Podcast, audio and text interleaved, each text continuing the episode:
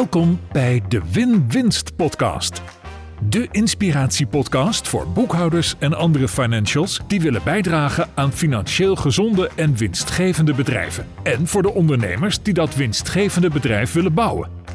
Femke Hogema gaat in gesprek met experts en ze deelt haar eigen kennis en ervaring. Laten we samen ontdekken hoe je succes creëert voor jezelf en je klant. Een echte win-winst. En vandaag heb ik weer zo'n leuke expert in de studio. Vandaag heb ik Martijn van den Berg van Vrijheid Vastgoed uh, te gast. Superleuk dat je er bent, Martijn. Dankjewel, superleuk om, uh, om hier te zijn. Ja, leuk. Uh, jij helpt ondernemende professionals financieel vrij te worden door hen te leren beleggen in vastgoed. En daarnaast ben je podcast-host van de podcast Zo word je steenrijk. Ik had de eer te gast te zijn in aflevering 5. En ik zag uh, later, nadat die was opgenomen, dat de titel was geworden mm, uh, aflevering 5 met Femke Hogema en waarom zij miljonair wil en gaat worden. Nou, uh, ik vind het heel erg leuk om vandaag de rollen om te draaien en jou de hemd van het lijf te vragen. Wat moet de luisteraar nog over jou weten wat ik uh, niet heb verteld in deze korte en krachtige introductie? Ja, trouwens vind ik nog steeds een van de, van de, van de betere en de leukere afleveringen tot, tot nu toe. Oh, wat leuk. Ja, nou, zo je verhaal en dat je daar gewoon echt uitsprak van dat je miljonair wilde, wilde worden. Hoe gaat het daarmee tot nu toe? Ja, ga, me, ga je nu toch mij weer interviewen? Oh, nee, ik, nee, nee, nee, ik zal je antwoord geven. ik ben nog geen miljonair en ik vind het grappig genoeg nog ietsjes lastiger dan ik dacht. Ik dacht, ja, dat moet toch vrij vlot gaan met een ja. goed lopend bedrijf. Uh, en, en ik ben goed onderweg. Dus uh, tegen de tijd dat ik miljonair ben, kan ik stoppen met werken. Maar daar ben ik dus nog niet. Dus dat duurt echt nog wel een paar jaar. Dat is toch niet iets wat ik althans over één nacht ijs doe. Misschien als ik een vastgoed ga, maar die stap heb ik nog niet gezet. Nee, nee. Nee, nee maar uh, ja, superleuk inderdaad dat uh, nou ja, de rollen nu omgedraaid zijn. Ik moet inderdaad opletten dat ik niet op de interview... ja, dat mag wel hoor, mag wel. We kunnen er gewoon een gesprek van maken. Nee, ja. maar ja, wat mensen nog niet van mij weten of, of, of wat nog niet in de intro zat, is dat ik ook uh, echtgenoot ben van, uh, van Helena en uh, vader van een hele leuke tweeling van net drie jaar. Dat ik hobby's heb zoals mooie reizen maken en de wereld ontdekken. En dat ik hou van, van koken, goed eten. Um, ja, en, en een passie heb voor, voor geld ontwikkeld, moet ik zeggen. Want dat had ik vroeger niet. Wat heerlijk, je hebt een passie voor geld. Ja, ja. ja. Hoe, hoe uitzicht als, als dat? middel, niet ja. als, als, als doel, maar... Nou, hoe zich dat uit is dat ik er dagelijks over nadenk. Dat ik er veel over uh, praat. In mijn, in mijn podcast, Zo wordt je steenrijk natuurlijk. Uh, elke week met, uh, met diverse gasten. Over steenrijk zijn in de breedste zin van het woord. Hè. Dus niet alleen in, in financiële zin, voor de duidelijkheid. En dat ik dat ook uh, leer en probeer over te brengen, onder andere aan onze uh, inmiddels 1300 uh, cursisten bij, bij Vrijheid Vastgoed. Wauw, 1300. Ja, ja, omdat ik het heel mooi en krachtig vind om mensen te helpen om die keuzevrijheid te bereiken. Ja. Want ik weet zeker dat jij niet als doel hebt, dat kan ik me niet meer helemaal waarom je miljonair wilde, wilde worden, maar aan de ene kant is dat een, een, doel en lijkt dat je gaaf. Je bent een ambitieuze ondernemer. Uh, uh, maar ik weet zeker dat het er meer om gaat van ja, maar wat heb je dan als je miljonair bent? Wat, heb, ja, wat kan je daarmee dan? Tuurlijk. En, en het grappige is, ik heb ook wel uh, het miljonair zijn is ook wel wat verzacht. Want het was echt zoiets van ja, maar dat dat wil ik omdat ik die, um, die, die financiële zekerheid wil. En daar zat een stukje angst achter. Ja. De angst om in de goot te belanden. Niet dat die kans nou zo heel groot is, maar die, die oeroude angst van als je geen geld hebt, wat dan? Dus ik dacht, als ik nou maar miljonair ben, dan hoef ik nooit meer bang te zijn voor geld. Nou, enerzijds heb ik dat idee een beetje losgelaten. Want zelfs als je miljonair bent, dan, dan kan het ook nog misgaan. Dus Ja. ook dat is weer niet een, een zekerheid. Maar ik heb ook ontdekt dat je, ehm, dat, dat je daar niet eens een miljoen voor nodig hebt. Dat kan, Nee. dat kan ook met minder. Dat kan Ja. ook op andere manieren. Dus dat is een beetje verzacht. Ehm, ik wil nog steeds wel die financiële vrijheid om minder te werken, meer te reizen en toch wel die rust. Geld geeft mij wel echt rust, zekerheid, vrijheid. Maar het is wel wat verzacht. En Ja. het is ook de, de ambitie. Ik wil ook gewoon dat kunnen zeggen dat ik miljonair ben. Nou ja, la- laten we wel wezen, voor veel mensen is dat toch wel een beetje een ego eh, Is het ook? dingetje. Ja, is het ook. Hè, zijn dat van die doelen van ja, ik wil graag financieel vrij worden of, of miljonair worden. En dan in Nederland wordt er dan echt zo, wow. En dat je dat ook door, niet alleen denkt, maar ook durft uit te spreken. Ja. Maar ehm, ik heb het inmiddels wel eh, bereikt. eh, maar het was echt wel zo'n ja, en nu momentje. Oh, zeg ja. maar. ja. ja, maar dat was Hetzelfde natuurlijk mijn... met financiële vrijheid. Dat je Ja. denkt van, ja, oké, ehm, is dit het nou? Weet je, ik ben nog steeds dezelfde eh, Martijn. Maar was het echt een moment dat je gewoon netjes in een Excel spreadsheetje bijhield en dat je dacht, hey, vandaag is het zover? Nou, het was niet, eh, we waren er al. Je was er al. Ja, het was er al. Dus, eh, dus eh, ja, dat is dan als je dat dan een tijdje niet bijhoudt of zo. En dan Ja. eens even alle rekensommen gaat maken van je, je bezittingen en je, en, je, en je schulden. En dan in mijn geval vooral de, de waardestijgingen van het vastgoed ondertussen. Dan, eh, toen was het inderdaad zo van, hé hey, schat, ja, ik geloof dat we nu officieel volgens deze hè, eh, formule eh, miljonair zijn. Ja, Ja, op papier. Hè? op papier. Want alles, je zit, moet, alles zit in stenen. Maar, ja, alles zit in eh, steen. Dus jij bent letterlijk steenrijk. Ja, ja, Ja, ja. ja. leuk. Nou, gefeliciteerd. ja, dankjewel. Nou, dan, dan vind ik het dus heel leuk om het met jou uitgebreid te gaan hebben over geld, over ondernemerschap en over die stenen, over dat vastgoed. Ja, lijken mij leuke onderwerpen voor dit gesprek. De ondernemer en zijn boekhouding.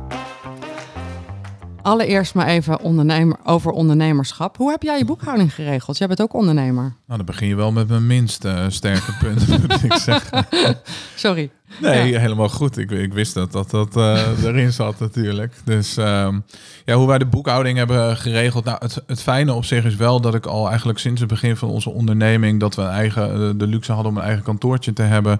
Dat kantoor deel met een boekhouder. Die heeft gewoon zijn eigen bedrijfje, maar die zit dus schuin tegenover mij. Dus dat is hartstikke fijn dat ik hem gewoon dan eh, tussendoor dingen kan, eh, kan vragen... en makkelijk en snel eh, meetings met hem, met hem heb. En verder hou ik zelf nou ja, zicht op de, op, de, op de bankrekeningen. Doen we af en toe een, een, een, liquiditeitsberekening, hoe, het, hoe het ervoor staat. En nou hebben we sinds kort dan de stap gemaakt naar, naar een boekhoudprogramma. omdat we wel misten dat we zeg maar te weinig grip op de cijfers hadden real time. En nu, nu wel. Nu is dat wel aanzienlijk beter. Ja, dus de cijfers worden ook nu elke maand zeg maar al ingeklopt en, en, en verwerkt hè, door, door de boekhouder. eh, dus we hebben nu wel veel meer, eh, veel meer grip daarop. We zijn er ook wel meer mee bezig om daarop te sturen. Want waar stuur je dan op? Ja, goede vraag. Nou ja, voor, voor, vooral om gewoon te zorgen dat de liquiditeit niet in het geding komt. Want dat is soms wel eens het eh, geval geweest. Ehm, ja, het, gekke is misschien dat ik, ondanks dat ik dus die passie heb voor geld, dat ik niet heel veel heb met eh, cijfers. Dus niet qua boekhouding, maar ook niet in het, in, het, in het vastgoed. Je ziet mij niet. Ik maak uiteraard wel berekeningen of een deal interessant is of niet, maar je ziet me niet eh, hele Excel-sheets bouwen en, en daar heel veel plezier uit halen. Dus met het vastgoed ben ik veel liever bezig met onderhandelen, deals zoeken, deals maken, met mensen eh, bezig zijn. En in het ondernemen ook. Ja. Eh, dan ben ik liever met die, die creatieve kant bezig, met podcast maken of met training eh, Ja. geven. Maar ja, het is natuurlijk wel hartstikke belangrijk. En ehm, ja, daar valt ook voor ons nog wel deze podcast, de win-win winst podcast, daar, daar valt voor ons echt nog wel genoeg te winnen ook. Ja, maar goed, je zet daar ook stappen in. Je hebt die boekhouden, je zit nu online, je hebt eh, bijna real-time inzicht op cijfers. Je kijkt naar je liquiditeit, dus, dus je bent daar wel, eh, wel serieus mee bezig. Ja, we zijn er wel meer mee bezig. Ook omdat we wel van mening zijn dat eh, on- onze omzet hè, eh, kan altijd beter. Maar er wordt dan altijd naar gevraagd van ja, wat is je omzet? Maar dan denk ik van ja, lekker boeiend. Net zoals in het vastgoed van ja, hoeveel panden heb je? Ja, wat zegt dat? Je kan beter minder panden hebben met goede huurders en goede eh kaststroom, huur, huurstroom. Eh, en zo is het in het, in het ondernemen natuurlijk ook. Je kan beter mi- minder omzet draaien en een hogere winst overhouden. En, en ik denk aan, bij ons aan de omzetkant, nou, dat, dat zijn leuke omzetten. Ehm, dan heb je het over eh, ongeveer een, een miljoen dit jaar. Nou, dat is, dat is leuk. Maar als je dan kijkt wat er eh, door het hoge, grote kostenhuis, als je niet oppast, overblijft.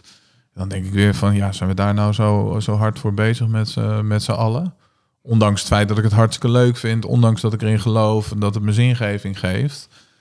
ik wil wel dat de onderneming een, een voertuig is, net zoals het vastgoed, naar een hoger doel. Ja. En niet dat ja, dat, dat, dat omgedraaid, uh, het, het, maken van een grote onderneming al zich, dat is niet per se een Nee. doel voor mij. Ik wil graag leuke dingen doen, en, en, en- en- maar ook dat het geld oplevert, wat ik vervolgens weer in privé bijvoorbeeld in vastgoed kan investeren, zodat daar mijn vermogen en mijn portefeuille verder groeit. Ja, heel, eh, heel ver denk ik. Ik bedoel, een, eh, een miljoen omzet met eh, eh, 999.000 euro kosten.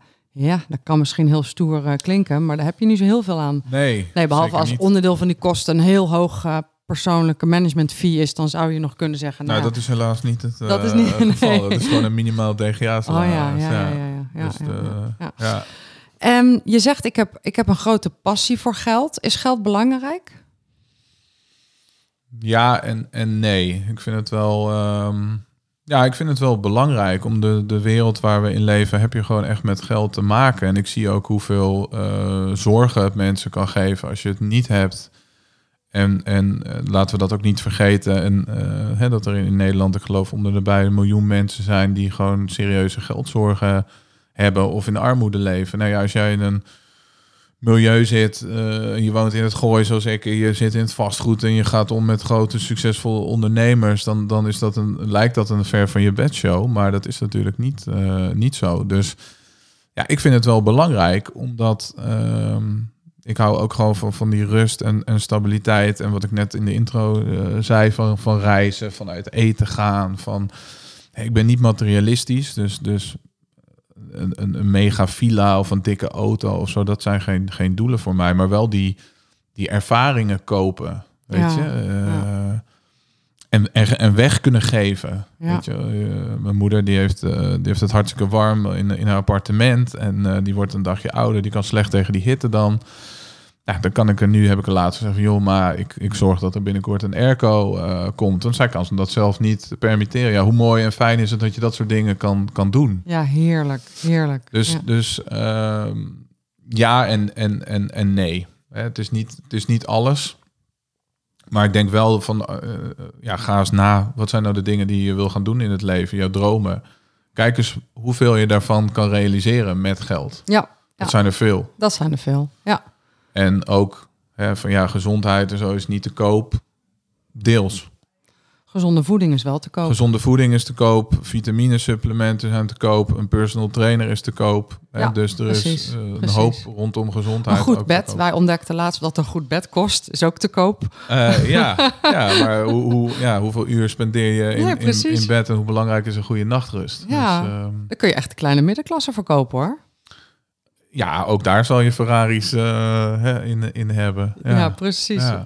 Ehm, wat heb jij over, ja, of wat heb je over geld geleerd? Welk principe eh, heb jij vroeger over geld geleerd?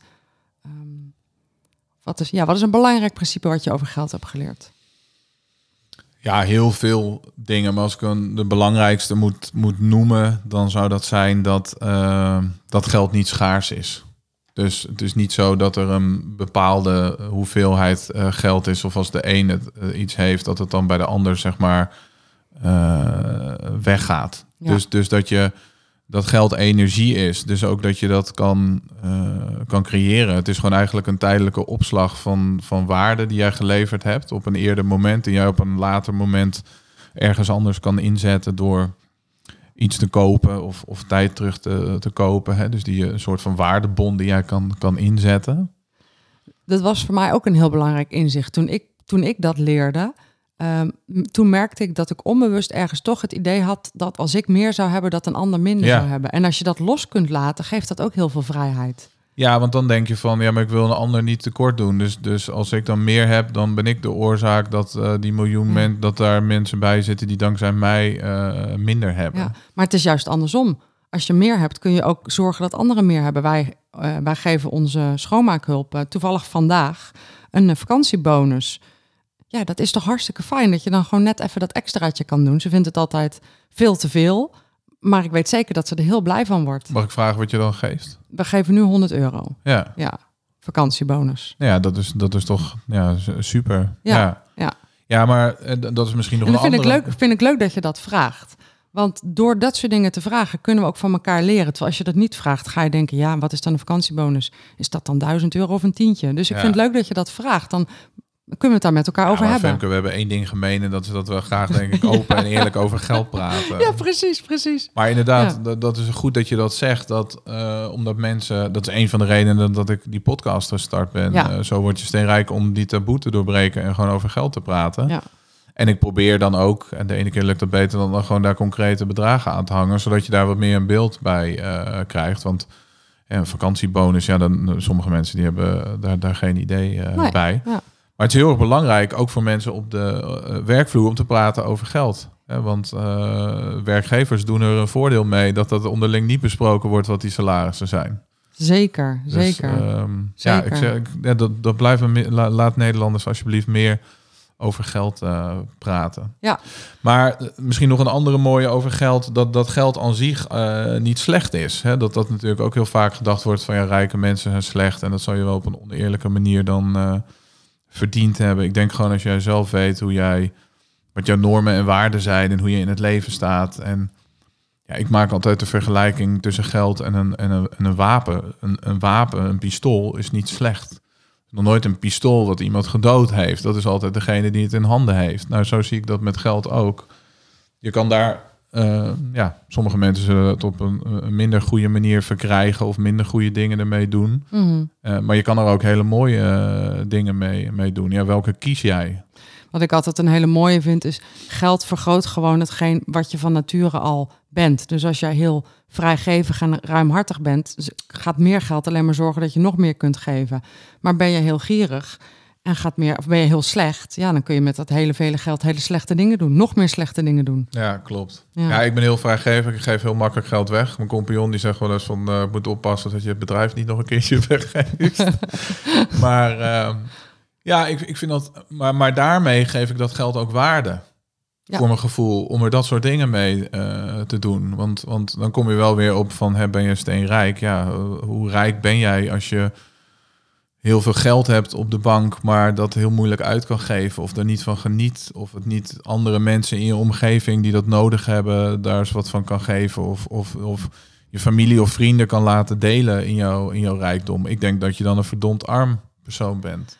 En dan, maar dit is wel het hele lastige. Aan de ene kant wil je geld hebben om, als ik kijk naar mezelf, hè, om voor die veiligheid, voor die vrijheid. En aan de andere kant, als je het oppot, dan zit het daar een beetje dood te gaan. Dus dat wil je ook niet. Nee. Nee. Nee, ik geloof er niet in als je dat heel. eh, dus ik denk ook dat het geld verdienen of, of het behalen van een bepaald doel, dat dat niet een, een doel zou moeten eh, zijn. Het is meer een, een gevolg van een resultaat. Dus als jij een doel hebt als van, nou ja, goed, ik wil graag eh, veel waarde leveren en mensen helpen, dan krijg jij eh, in ruil daarvoor vaak een financiële vergoeding. Gaat je vermogen daardoor, eh, daardoor groeien. Maar ik denk niet dat het misschien een, een doel aan zich. eh, Nee, dat denk ik ook. Dat denk ik ook. We willen graag heel veel over jou weten. Dus eh, we duiken daar even in. De expert aan het woord. Ik vind het toch wel heel wel leuk om heel even terug te gaan naar eh, voor jou eh, een tijd geleden. Want jij zat er financieel niet altijd relaxed bij. Jij, jij was niet altijd miljonair. nee. Ehm, en jij hebt me verteld over dat je heel veel geld bent verloren omdat iemand anders jouw geld in een foute belegging stopte. Wil je dat dieptepunt in jouw financiële leven met ons delen? Ja, dat, dat wil ik zeker delen. Daar, daar praat ik makkelijk en, en, en openlijk over. Eh, met de kanttekening dat iemand anders mijn geld ergens instopte. Ja, maar ik was degene die mijn geld aan hem had toevertrouwd. Ik vind dat heel erg belangrijk dat we ook, naast dat we er open over geld gaan praten, ook de verantwoordelijkheid gaan nemen voor ons eigen leven en dan vooral ook ons financiële leven. Dus ik ga niet eh, daarin dan wijzen met een vinger naar hem. Nee, het was mijn keuze om mijn geld aan hem toe te vertrouwen. Ja, En hij heeft daar vervolgens, hè, dan heb je het weer over, het is de persoon die dan iets goeds of iets minder goeds ermee kan doen. Hij heeft mij vervolgens opgelicht. ja. Ja. Want Maar jij zegt, en, en ik moet daar, want iemand anders heeft je opgelicht, maar jij zegt, daar moet ik zelf verantwoordelijkheid in nemen. Maar had je dat kunnen voorkomen dan? Naar mijn me- mening eh, niet. Maar ik vind het wel belangrijk geweest dat eh, een van de eerste dingen die ik doe als mij zoiets overkomt, is het is heel makkelijk om dan met een vinger te gaan wijzen. Ja, de overheid Of de Belastingdienst moet te veel belasting betalen. Mijn werkgever betaalt te weinig salaris. En daarom zit ik in die financiële positie. Nee, wat kan jij daaraan doen? Wat had jij beter kunnen doen? Dus ik heb daar wel over nagedacht toen me dit overkomen was. Uh, en dan zie je achteraf toch wel misschien van bepaalde rode vlaggen die je gemist hebt. Maar misschien even één stap terug Ja, voor de luisteraar. Hè? Want ik zat in een, een positie inderdaad dat ik, ehm, nou ja, zoals de meesten die eh, in, in Nederland of in de wereld niet veel financiële educatie had gekregen vanuit huis of vanuit eh, school. Ik was goed in ondernemen en geld verdienen, maar in één ding was ik nog beter en dat was geld uitgeven. Ehm, in mijn studententijd het er lekker van genomen. Want ik dacht, ja, ik heb nu alle tijd, maar geen geld. En joh, ja, dat eh, betaal ik later wel terug. Ik krijg een goede baan en dan eh, dat komt allemaal wel. Dus ik had uiteindelijk een schuld van 30.000 euro. Deels bij, eh, bij Duo, bij de IB-groep destijds. Deels bij de bank, deels bij mijn vader. En die wilde ik graag aflossen. Tenminste, met name ook mijn toenmalige verloofde. Die zei, Martijn, alles leuk en aardig. Eh, ik had die schuld eerst nog voor haar verzwegen. Maar ja, goed, dat soort dingen komen natuurlijk uit.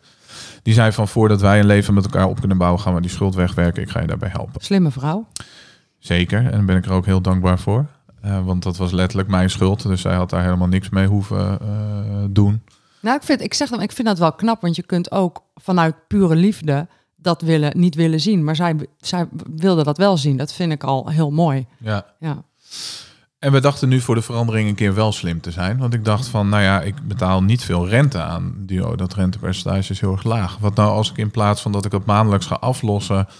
ergens in investeer wat een hoger rendement maakt... en het dan in één keer aflost. Dan kunnen we dat veel sneller doen. En ehm, ik had inmiddels in, in Praag was ik iemand daarvoor tegengekomen... die eh, nou, in, die, in die financiële hoek zat. Eh, ik had me een keer of vijf ontmoet... nooit over deze situatie of over geld gehad... Maar hij wist een perfecte product voor mij met een fantastisch rendement. En hij kende mijn situatie, dus hij wist dat ik een schuld had. Hij wist ook waarom ik dat, wat het doel was van dat product om die schuld daarmee af eh, te lossen. Daar heb ik wel wat moeite mee gehad achteraf. Maar goed, zo zie je ook maar dat ieder zijn ethisch kompas anders eh, is. Ik ken verder zijn financiële situatie ook eh, niet. Ik weet dat hij 750 euro commissie heeft verdiend. Dan denk ik echt van, joh, dit hele risico en gedoe voor 750 euro. Ongelooflijk. Ja, en ik had hem in Tsjechië gewoon in, in de gevangenis kunnen krijgen hiervoor. Hè. Daar wordt niet zo mee omgegaan als, eh, als hier met, eh, met dat soort zaken. Ja. Dus, eh, maar ik weet dat hij ook vier kinderen heeft. En dat heb ik uiteindelijk niet gedaan. Mhm. En achteraf gezien ben ik hem mega dankbaar. Hè. Dus ehm, hij is echt... En waarom ben je hem dan mega dankbaar? Omdat hij ervoor gezorgd heeft. En wij hadden hier met elkaar nu niet in deze podcast gezeten als hij me dat niet geflikt had. Dus op dat moment kon ik hem wel wurgen. Want voor de duidelijkheid, hij heeft me opgelicht. Hij heeft mijn handtekening zeven keer vervalst. Eh, ik zat vast aan de Woekerpolis voor tien jaar met 900 euro per maand. Ja, dat ga je natuurlijk zelf nooit aan als je nog kinderen wil krijgen of een hypotheek wil nemen en dat soort dingen. Maar hij heeft ervoor gezorgd dat, dat mijn ogen geopend zijn. Dat die pijn zo groot was dat het voor mij geen keuze meer was, Femke. Of ik wat met dat geld eh, ging doen, maar dat, dat, het moest. Ja, je moest een manier Ik- verzinnen om dat echt op niet te nog lossen. een keer overkomen. En eh, nou, dat geld, ik heb ervoor gevochten. Ik heb het uiteindelijk ook teruggekregen na anderhalf jaar. Zelfs nog met een goede eh, compensatie. Dus uiteindelijk is het nog een hele goede investering geweest. Niet eentje om aan te raden, maar nee, goed. nee, nee. Nee. ik geloof, maar ik geloof dat ik er iets van eh 3000 euro eh, opgemaakt, opgemaakt heb. Nou, dat is Dat was redelijk. wel een hele stressvolle 3000 euro. Ja, maar op een gegeven moment ging het mij ook, dan, dan heb je aan mij echt een verkeerde. Ja, nee, dan dat- wordt het een principe kwestie. Ja. Dus het ging me opeens. En dat voor mij was dat Ja. toen echt mega veel geld. Nog steeds trouwens, maar het is nu wel, ik kijk daar nu wel anders naar tegen dergelijke Mhm. bedragen dan toen.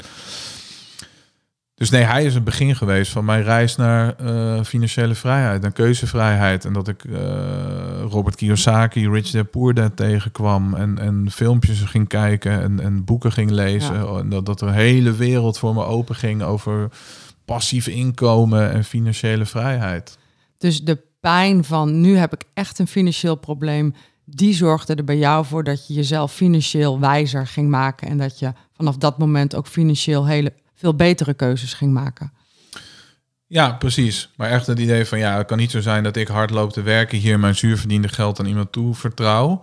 En doordat ik een gebrek heb aan eh, educatie, niet weet wat diegene daar precies mee doet. Ik moet dit gewoon zelf. Ik moet die controle over mijn leven en over dat geld Ja. weten te pakken. En dit, dit gaat me niet nog een keer Maar eh, gebeuren. En daarom kwam ik ook bij het vastgoed terecht, omdat ik daar nou ja, controle over had en dat vastgoed tastbaar is. Ik, na deze ervaring wilde ik natuurlijk wel.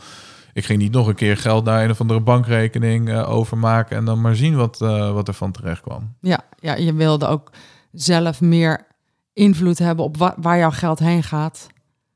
Ja, maar ik vind het wel heel belangrijk, ook voor de, de luisteraar, dus, dus dat ik wel... Het was heel makkelijk. Het was veel makkelijker voor me geweest om te zeggen: ja, klootzak, en je hebt me opgelicht en ik ben zielig. En eh, dat ik niet achter mijn geld aan was gegaan, maar vooral dat ik er ook niks mee gedaan had. Dat was een veel makkelijkere manier geweest. En dat is helaas toch hoeveel mensen met dergelijke situaties omgaan. Ja, dat denk ik ook. En toch een beetje struisvogelpolitiek gecombineerd met eh, eh, slachtofferrol. Ja, Ja. Ja. ja. Maar jij deed dat niet. Je vertelde net al, je, had, je hebt in je jeugd niet echt die financiële educatie gehad. Je bent eh, Robert Kiyosaki, Rich Dad, Poor Dad gaan lezen en alles, alle andere boeken. Als je gewoon kijkt naar het hele grote plaatje, geld.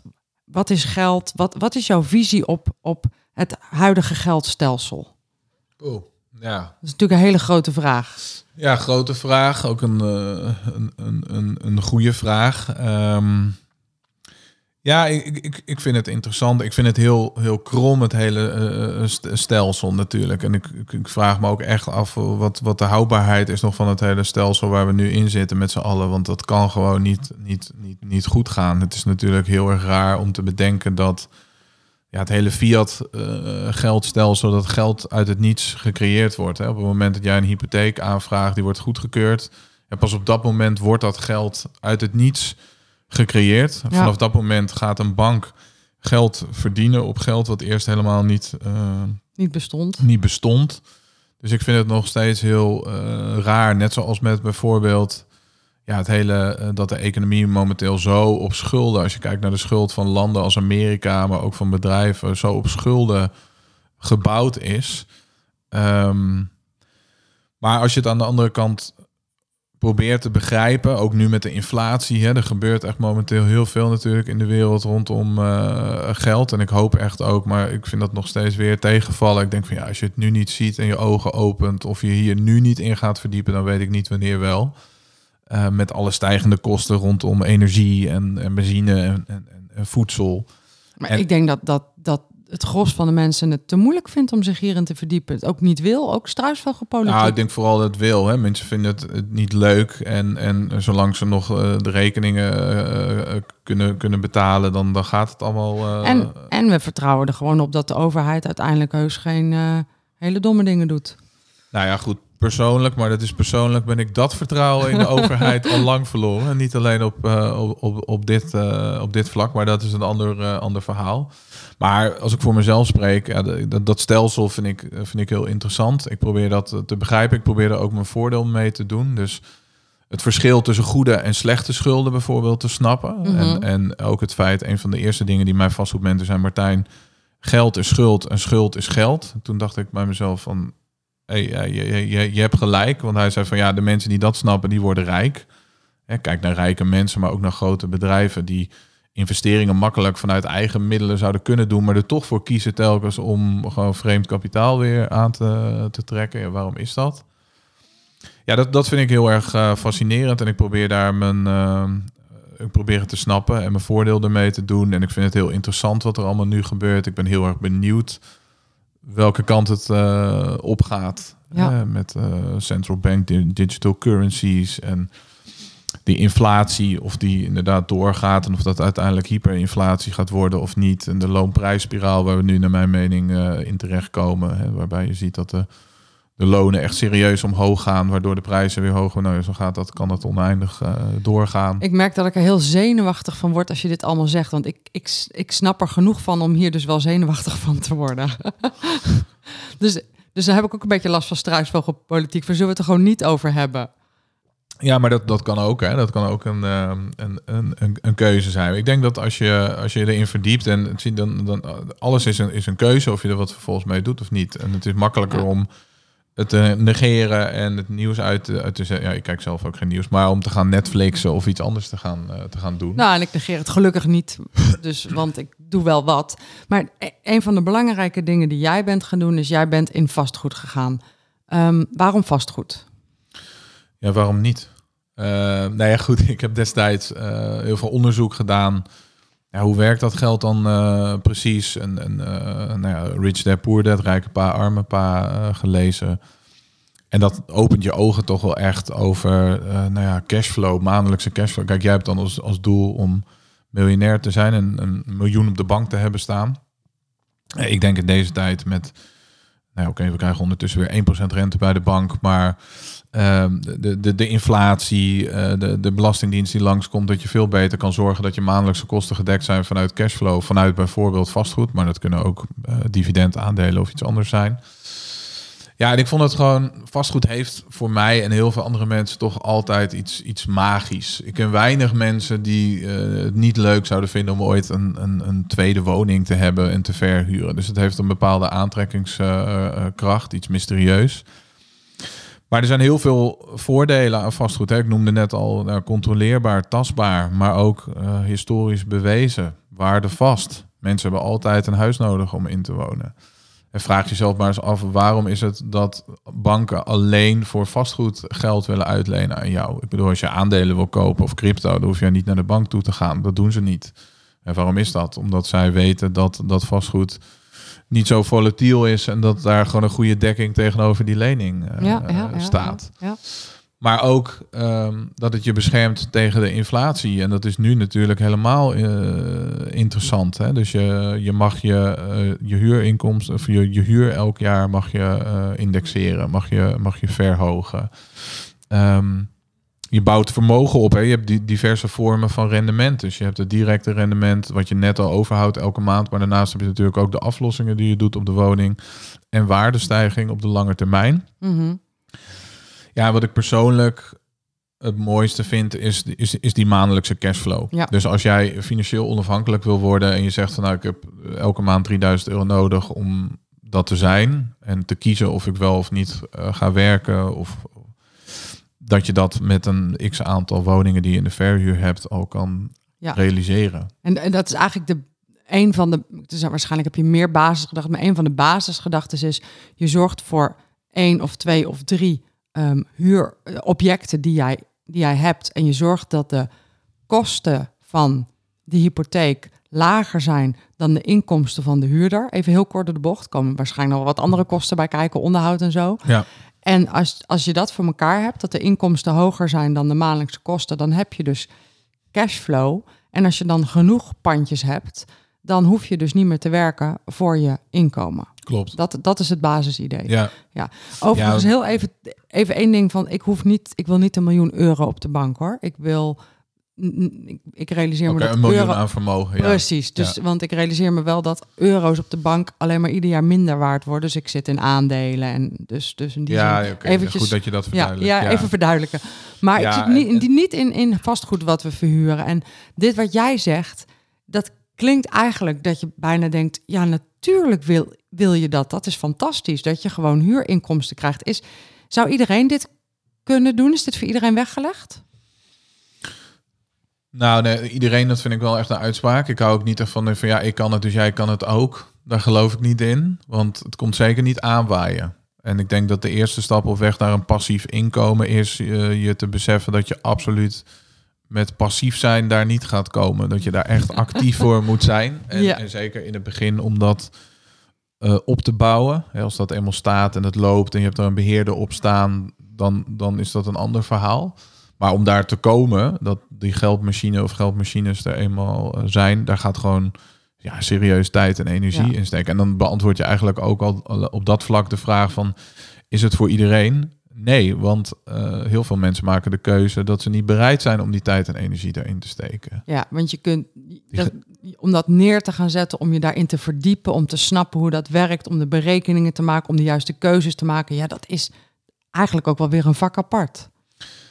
Ja, het is niet zo moeilijk als het lijkt. Het is ook niet zo makkelijk als het lijkt. Want sommige mensen onderschatten het ook. Sommige mensen maken het te moeilijk. Die gaan hele Excels bouwen alsof ze raketten naar de maan gaan sturen. En dan denk ik van jongens, ja, zo eh, lastig hoef je het ook niet te maken. En die weten in theorie alles.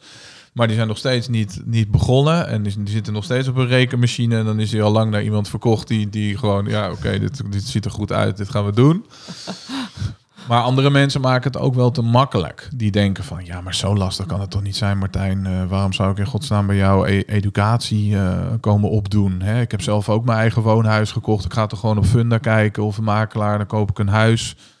Ehm, en, dan, en dan stop ik daar een huurder in en dat is het toch? En waarom is het niet zo makkelijk? Nou, omdat als ik dan ga doorvragen hoe de cijfers eruit zien en een klein beetje ga prikken, dan blijkt dat ze veel te veel betaald hebben voor dat vastgoed. Nou ja, wij betalen minder. We betalen onder de waarde. Daar zit je eerst de winst. Zeker in deze tijd moet je die ook gewoon echt eh, pakken. Want sommige kosten, zoals de rente, zijn omhoog gegaan. Dus dan moet je dat voordeel aan de voorkant moet je dat al halen.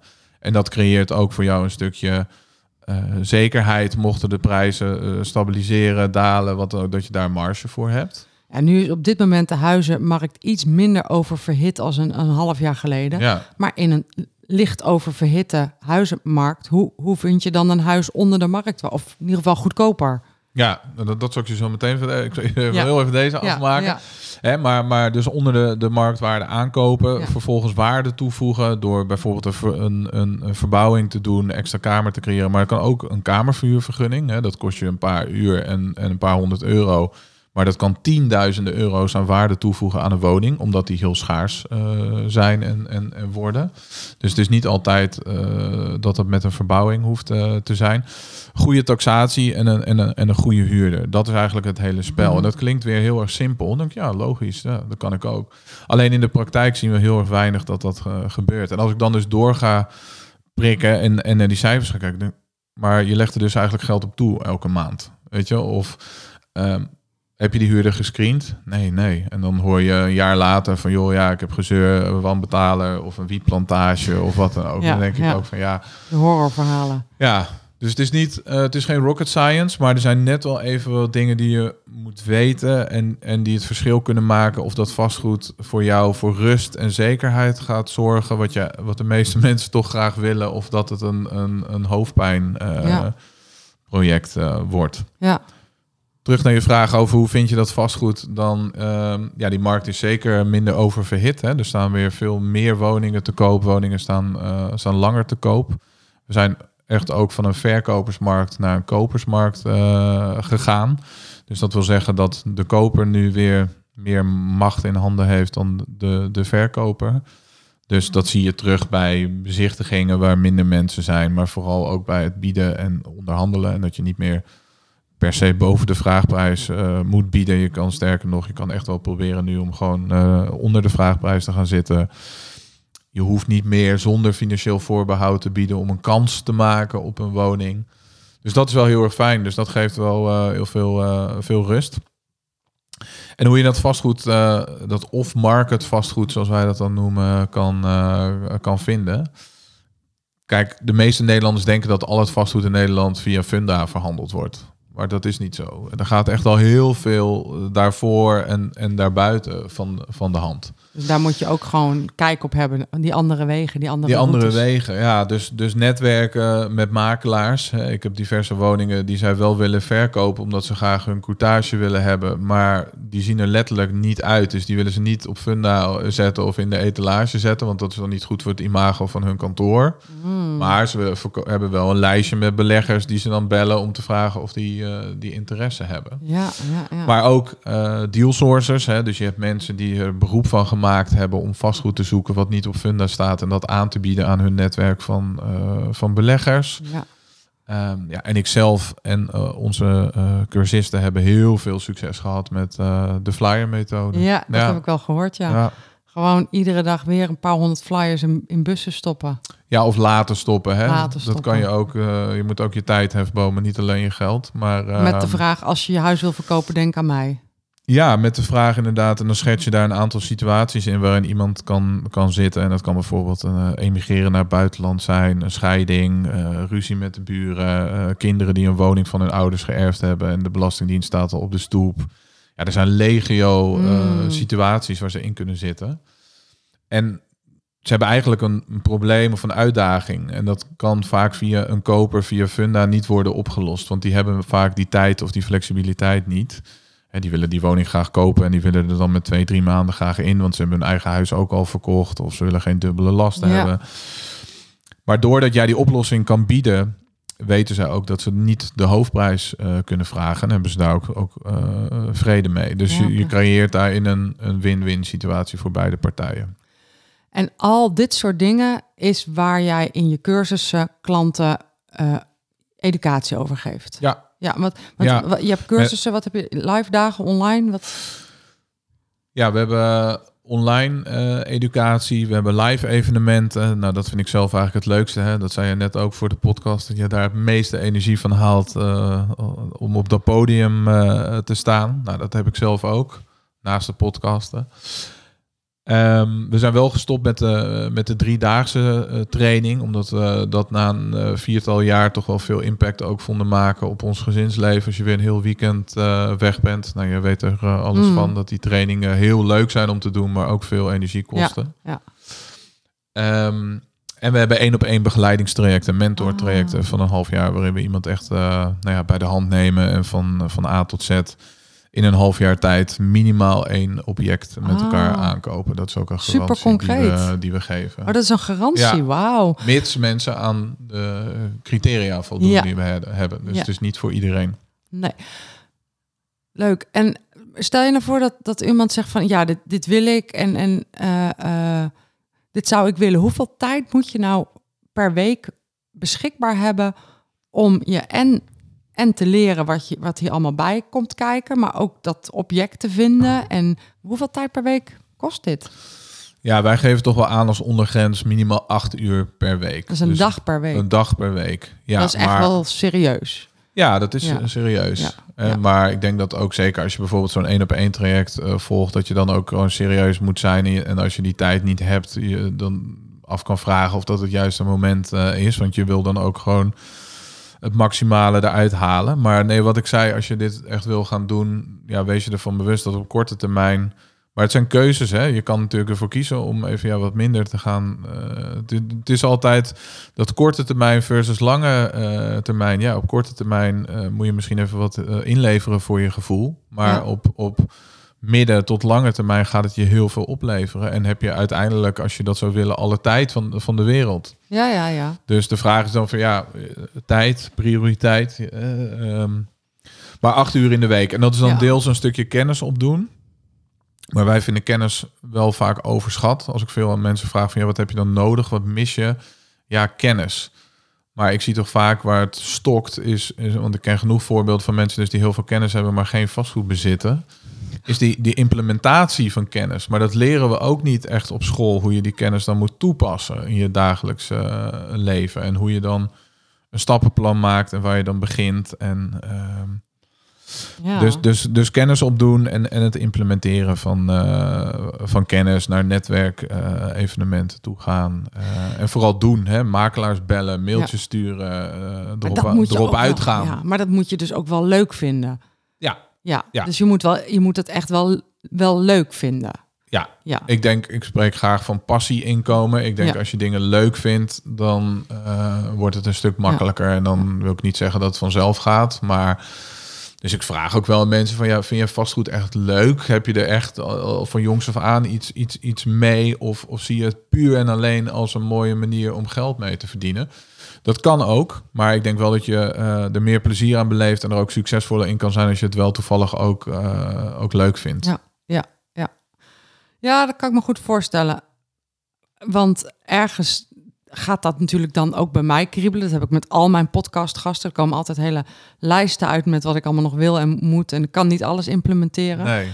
Maar ook hier denk ik, ja, maar dit is, wel een, dit is wel een serieuze keuze. Dit kun je niet een beetje doen of zo. Nou, Ik, ik denk, eh, we hebben eh, drie bronnen eh, als mens zijnde. Geld, tijd en energie. Wat we kunnen inzetten. Nou ja, ik heb cursisten die jong zijn en die wat minder geld hebben. Dan zeg ik, nou, dat is niet erg. Ik begon ook met niks.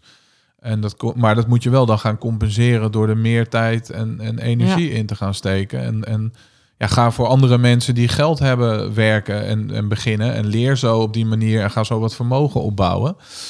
En we hebben hele grote, succesvolle eh, ondernemers. En die zeggen, ja Martijn, eh, ik wil het heel graag. Ik wil graag het resultaat hebben. Maar ik heb gewoon beperkte tijd en energie. Maar ik heb wel geld. Dan zeg ik, nou ja, zet dat geld dan ook deels in om tijd terug te kopen. En ga dingen uitbesteden. Dus laat die andere cursist eh flyeren voor jou bijvoorbeeld. Of Ga dingen samenwerken. doen. Gaan samenwerken. Ik denk Ja. dat dat ook het belangrijkste is. Maar wat mensen toch lastig vinden. Of, of die denken heel erg vanuit, nou ja, vanuit zichzelf. En die zien, proberen niet eh, te zien hoe ze elkaar kunnen helpen. En daarmee allebei krijgen wat ze eigenlijk willen. Waarbij je eigenlijk ook nog zegt dat eh, van, de, van de drie bronnen, tijd, geld en energie, er niet eentje belangrijker is dan de ander. Nee, niet, niet, niet, niet per definitie. Kijk, als je eh, jong bent, dan eh, heb je vaak eh, minder geld en, en, en meer tijd en, en energie. Nou, dan word je wat ouder en dan krijg je een, een baan. Dan, dan heb je vaak geen tijd, want je bent wel druk. Je bent carrière aan het maken. Nou, je hebt nog wel energie en je, en je hebt geld. En als je oud bent, ja, dan hangt het een beetje vanaf hoe je het in het leven gedaan hebt, hoeveel geld je hebt. Maar dan ja, heb je letterlijk minder tijd in het leven en ook, eh, ook minder energie. Ik denk dat het gewoon belangrijk is voor jezelf dat je daar de, de balans in, eh, in houdt. Maar dat je ze ook eh, dat inziet en op de juiste manier ehm, ja, compenseert als dat nodig is. Mhm. Ja. Ik, ik zit niet heel erg in het vastgoedbeleggen en ik luister niet eens heel veel nieuws, maar ik krijg wel mee dat er bijvoorbeeld in Amsterdam het steeds moeilijker wordt om ruimtes te verhuren, dat de regels strenger worden. Is vastgoedbeleggen daarmee nog interessant? Ja, ik denk dat je de vraag moet eh, stellen van is, is, is vastgoedbeleggen voor jou interessant? Want het is niet voor iedereen interessant. En ik kan me ook voorstellen dat mensen denken dat het niet meer interessant zou zijn of minder interessant zou zijn. Ik denk dat het belangrijk is om het te beseffen eh, voordat je dit gaat doen en voordat je de keuze maakt om vastgoedbelegger te worden. Geloof je in vastgoed als asset voor de lange termijn? Mhm. Als het antwoord daarop ja is, Kijk, vastgoed heeft de tand destijds echt wel doorstaan. Daar zijn al zoveel dingen gebeurd in de wereld, van oorlogen tot natuurrampen, tot nieuwe wereldmachten. En mensen hebben een huis nodig om in te wonen. Ik verwacht niet dat dat in de komende decennia gaat veranderen. Ik bedoel, het gaat hard met alle ontwikkelingen, met AI en noem het allemaal op. Maar ik denk dat we voorlopig nog steeds in huizen wonen. Ja, Ehm, dat denk ik ook. dus feitelijk gezien ehm, maakt het dan niet heel veel uit eh, wat er op dit moment gebeurt. Als jij daar naar terug gaat kijken, naar deze periode waar we nu in zitten, dan is dat niet meer dan een, een stip of een, Mhm. een piekje of een, of een, klein, een klein dal. En het is belangrijk dat te weten dat die uitdagingen er ook altijd eh, zijn. Als je kijkt naar de laatste crisis van 2008 tot 2013, de deals die lagen voor het oprapen, maar niemand kon er wat mee, want de banken die hadden hun loketten gesloten. Mensen willen in een crisis houden hand op de zak, lenen geen geld uit aan anderen. Dus ja, wat heb je eh, er dan aan? Terwijl je dan misschien dacht van, nou ja, dit zijn de ideale omstandigheden, want de woningen zijn goedkoop en ze zijn er in overvloed.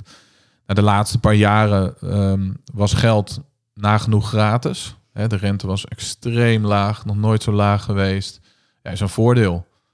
Maar iedereen wilde het vastgoed ingaan. Je moest overbieden. De mensen die niet wisten van die flyer methode of andere manieren, die gingen dus wel gewoon ook beleggers via funda, via makelaars die deals zoeken, overbieden, te veel betalen voor hun, hun vastgoed.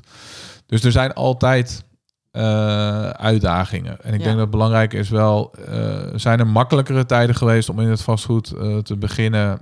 Ja. Maar kijk vooral van, geloof ik erin voor de, voor de lange termijn? Wat zijn de uitdagingen op dit moment en hoe kan ik me daar tegen wapenen? Hoe kan ik een eh, strategie daarvoor eh, verzinnen? En wat zijn ook, eh, hè, en, en daar moet je zeker ook over nadenken en naar kijken. Wat zijn de kansen die er op dit moment zijn? Want die zijn ook heel erg groot. En besef je dat de momenten dat de rijken rijker worden, dat dat nu is. Op dit moment. Niet over een paar jaar als die markt weer hier staat. Nee, dat hebben ze nu gedaan. Ja. Maar dat gaat heel erg tegen je emotie in, omdat we vanuit de media en de overheid en de buurman allemaal van ja, eh, we zijn heel erg op zoek naar die timing van dat juiste moment.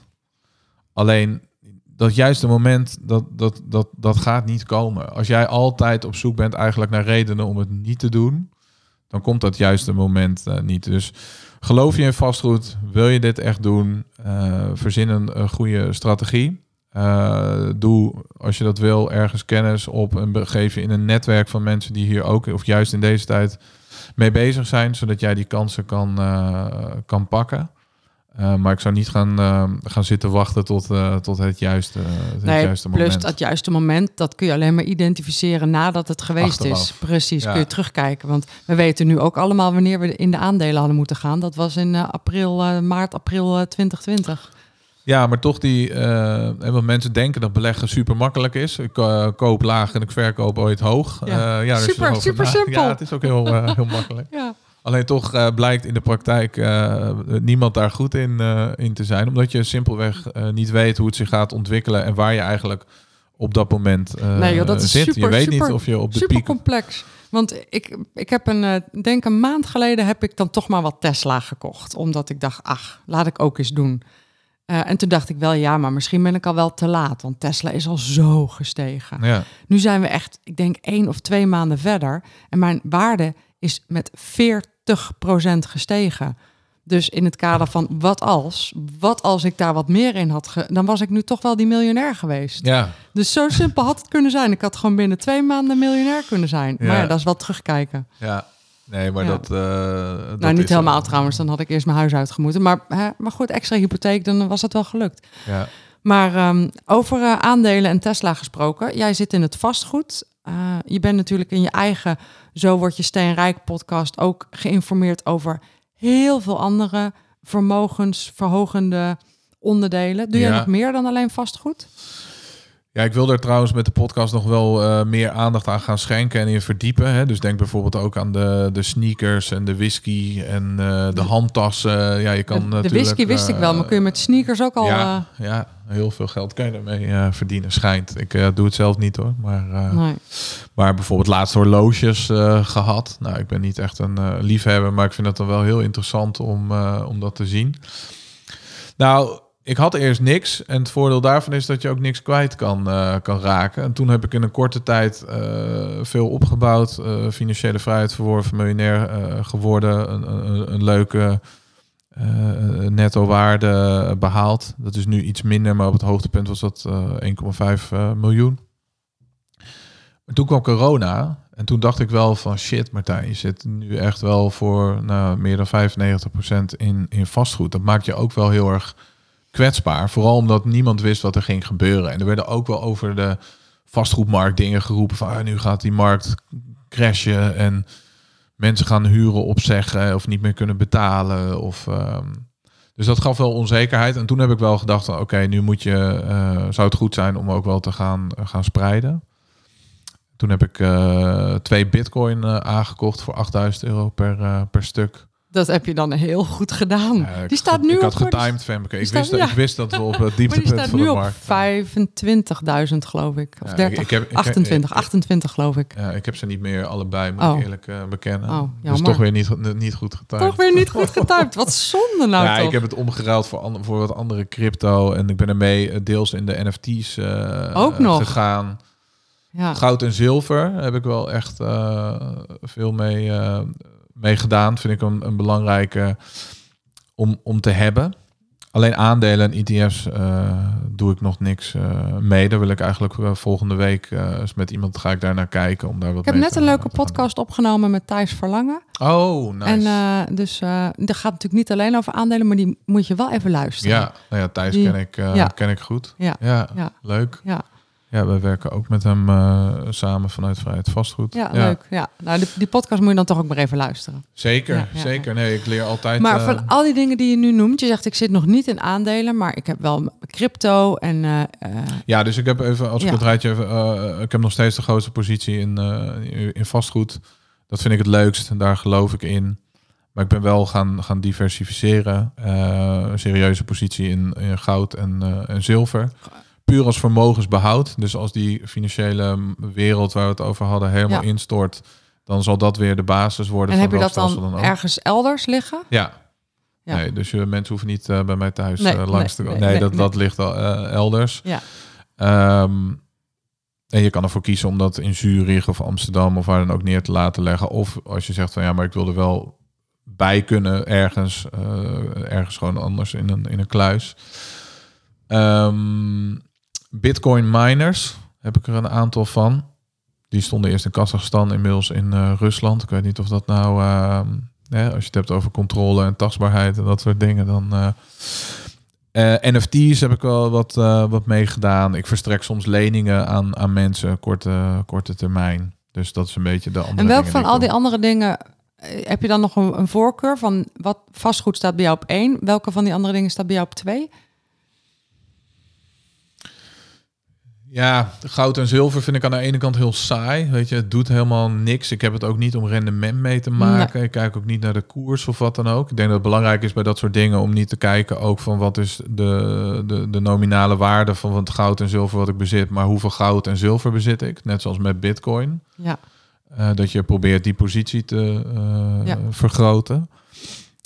Maar aan de andere kant vind ik het toch ook wel, uh, is het wel gaaf, het idee. Hè, dat je, en als je wil, kan je wel fysiek, fysiek goud of zilver munten bijvoorbeeld kopen. Nou ja, dat kan ja, leuk zijn. Net zoals het vastgoed. En misschien hebben andere mensen dat met, met diamanten. Of... Nou, het is net zoals vastgoed. Het is tastbaar en het heeft wel de meest echte waarde van al die dingen die we nu genoemd hebben. Ja, dus, uh... Maar nog even een hele kleine toevoeging is wel dat, dat, dat spreiden uh, belangrijk, goed. Besef je wel waarom je het ook hebt. Dus waarom bezit je goud en zilver? Waar, waar moet dat voor, voor zorgen? Net zoals met dat vastgoed. Maar ik moet wel zeggen dat hoe meer ik ben gaan spreiden, daar heb ik ook wel serieus geld mee verloren en minder goede beslissingen mee gemaakt. Omdat?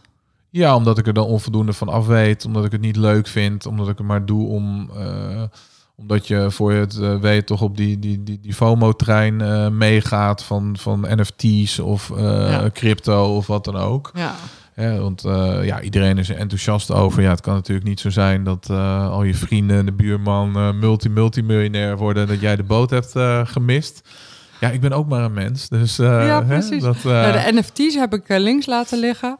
Um, crypto uh, heb ik wel. En, um, um, en qua uh, de boot missen en, en, verkeerde keuzes maken omdat je er geen verstand van hebt. Mijn Tesla was dus een uh, mazzeltje waar ik dan veel te weinig geld in heb gestopt. Maar ik heb ook Roblox gekocht. Dat vond ik zo leuk voor mijn kinderen. Ja. Maar daar is nog maar de helft van over. Dus ach, ja. Weet ja, je? Lang genoeg aanhouden en hopen dat het... Ja hoor, ik laat het wel staan. het is nu te weinig waard om er nog afscheid van te nemen. Ja, dus ja. dus, dus voor mij weer lekker terug naar het vastgoed. Dat vind Ja. ik het allerleukste. Dat Ja. begrijp ik. En eh, ja. Ja. Als een luisteraar nu nog vooral geld verdient vanuit ondernemerschap of vanuit misschien wel loondienst en een eerste stap wil zetten richting wat meer financiële onafhankelijkheid, financiële vrijheid. Vanuit jouw kennis, wat zou jij zeggen is een, een eerste stap? Ja, leuke vraag. Ehm, ik denk inderdaad dat eh, hoe leuk je je onderneming of je banen ook, eh, ook vindt, dat het wel belangrijk is dat je, hoe zeker alles ook lijkt, beseft dat dat maar één inkomstenbron is. En ik zeg altijd, eh, één inkomen is letterlijk één letter verwijderd van geen inkomen. Dus eh, het zou goed zijn om daarover na te denken eh, om een tweede of een derde eh, inkomstenbron te hebben. En bedenk je daarin ook dat de miljonair gemiddeld er zes heeft. En dat je dat eigenlijk dus voor kan stellen als een, een emmer. Waar hoe meer ja, geldstroompjes daarin komen, hoe sneller die emmer vol is. En hoe sneller dat allemaal gaat draaien. En je dus vermogen op kan, kan bouwen. Ik denk dat de allereerste stap is om bijvoorbeeld met, met jou en jouw methodiek, eh, ga eens kijken waar sta je nu op dit moment. Wat is, eh, je wil naar B, maar wat is A? Hè, want heel veel Mhm. mensen weten dat niet. Wat heb je nodig om keuzevrij te zijn? Hoeveel heb je dan echt tot op de euro nauwkeurig elke maand Ja, nodig? En ja. kan dat niet wat, wat minder als je daar... Het zijn allemaal keuzes, hè? dus kan je daar niet wat in schrappen? Ja. Hoe zien je cijfers eruit? Ehm, wat zijn bedragen die je kan missen? Heb je spaargeld wat je kan investeren in aandelen of in eh, vastgoed of wat dan ook? Ja, als je vermogen wil opbouwen voor de, voor de lange termijn, is het heel simpel. Minder uitgeven dan wat er binnenkomt. En dat verschil beleggen in dingen die uh, geld opleveren. En, en dat op, dus op een goede manier doen. Dat je niet je, uh, je geld verliest. Maar, um, en, en dan kijken wat bij je past. Wat, bij, wat je leuk vindt. Ja. ik zou met één ding beginnen. En dan als je dat snapt en dat loopt goed, dan kan je dat eventueel gaan uitbouwen. En daarnaast nog wat anders gaan, uh, gaan doen.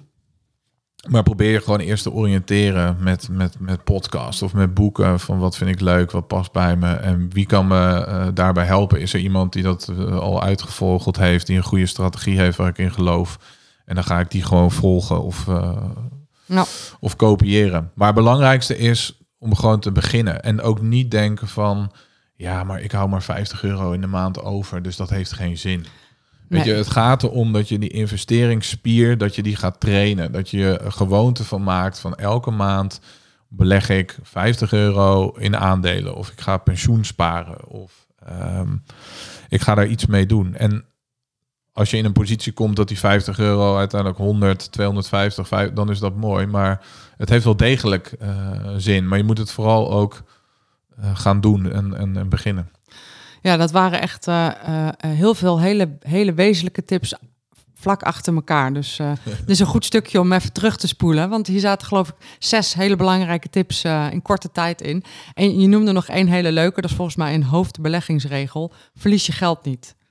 Een hele ja, leuke dat regel. Is, Warren Buffett, hè? Ja, ja. geloof rule number one, never lose your money. En rule two, never forget rule one. Ja, ja. ja. die is toch heel grappig. Nee, zeker. En, en feiten, ja. Ja. En, en, wat bedoel je met feiten? Nou, dat, dat het belangrijk is om je geld niet uh, te, te, verliezen. Kijk, ja. Okay, ja, het is dat, niet helemaal, uh, het is niet voor niks de, de term uh, lesgeld. Hè? De, soms mm -hmm. betaal je gewoon om, ja. om ergens van te leren van je, van je fouten. Ja. En is dat ook goed? Want dat doet pijn en dan let je op en dan denk je, oh ja, dit is niet de volgende keer toch maar even eerst een, een cursus doen of ja. dat op een andere manier aanpakken. Ja, maar, maar, het is wel fijn als je je lesgeld kunt beperken tot ja, speelgeld. Dat je speelgeld lesgeld mag zijn.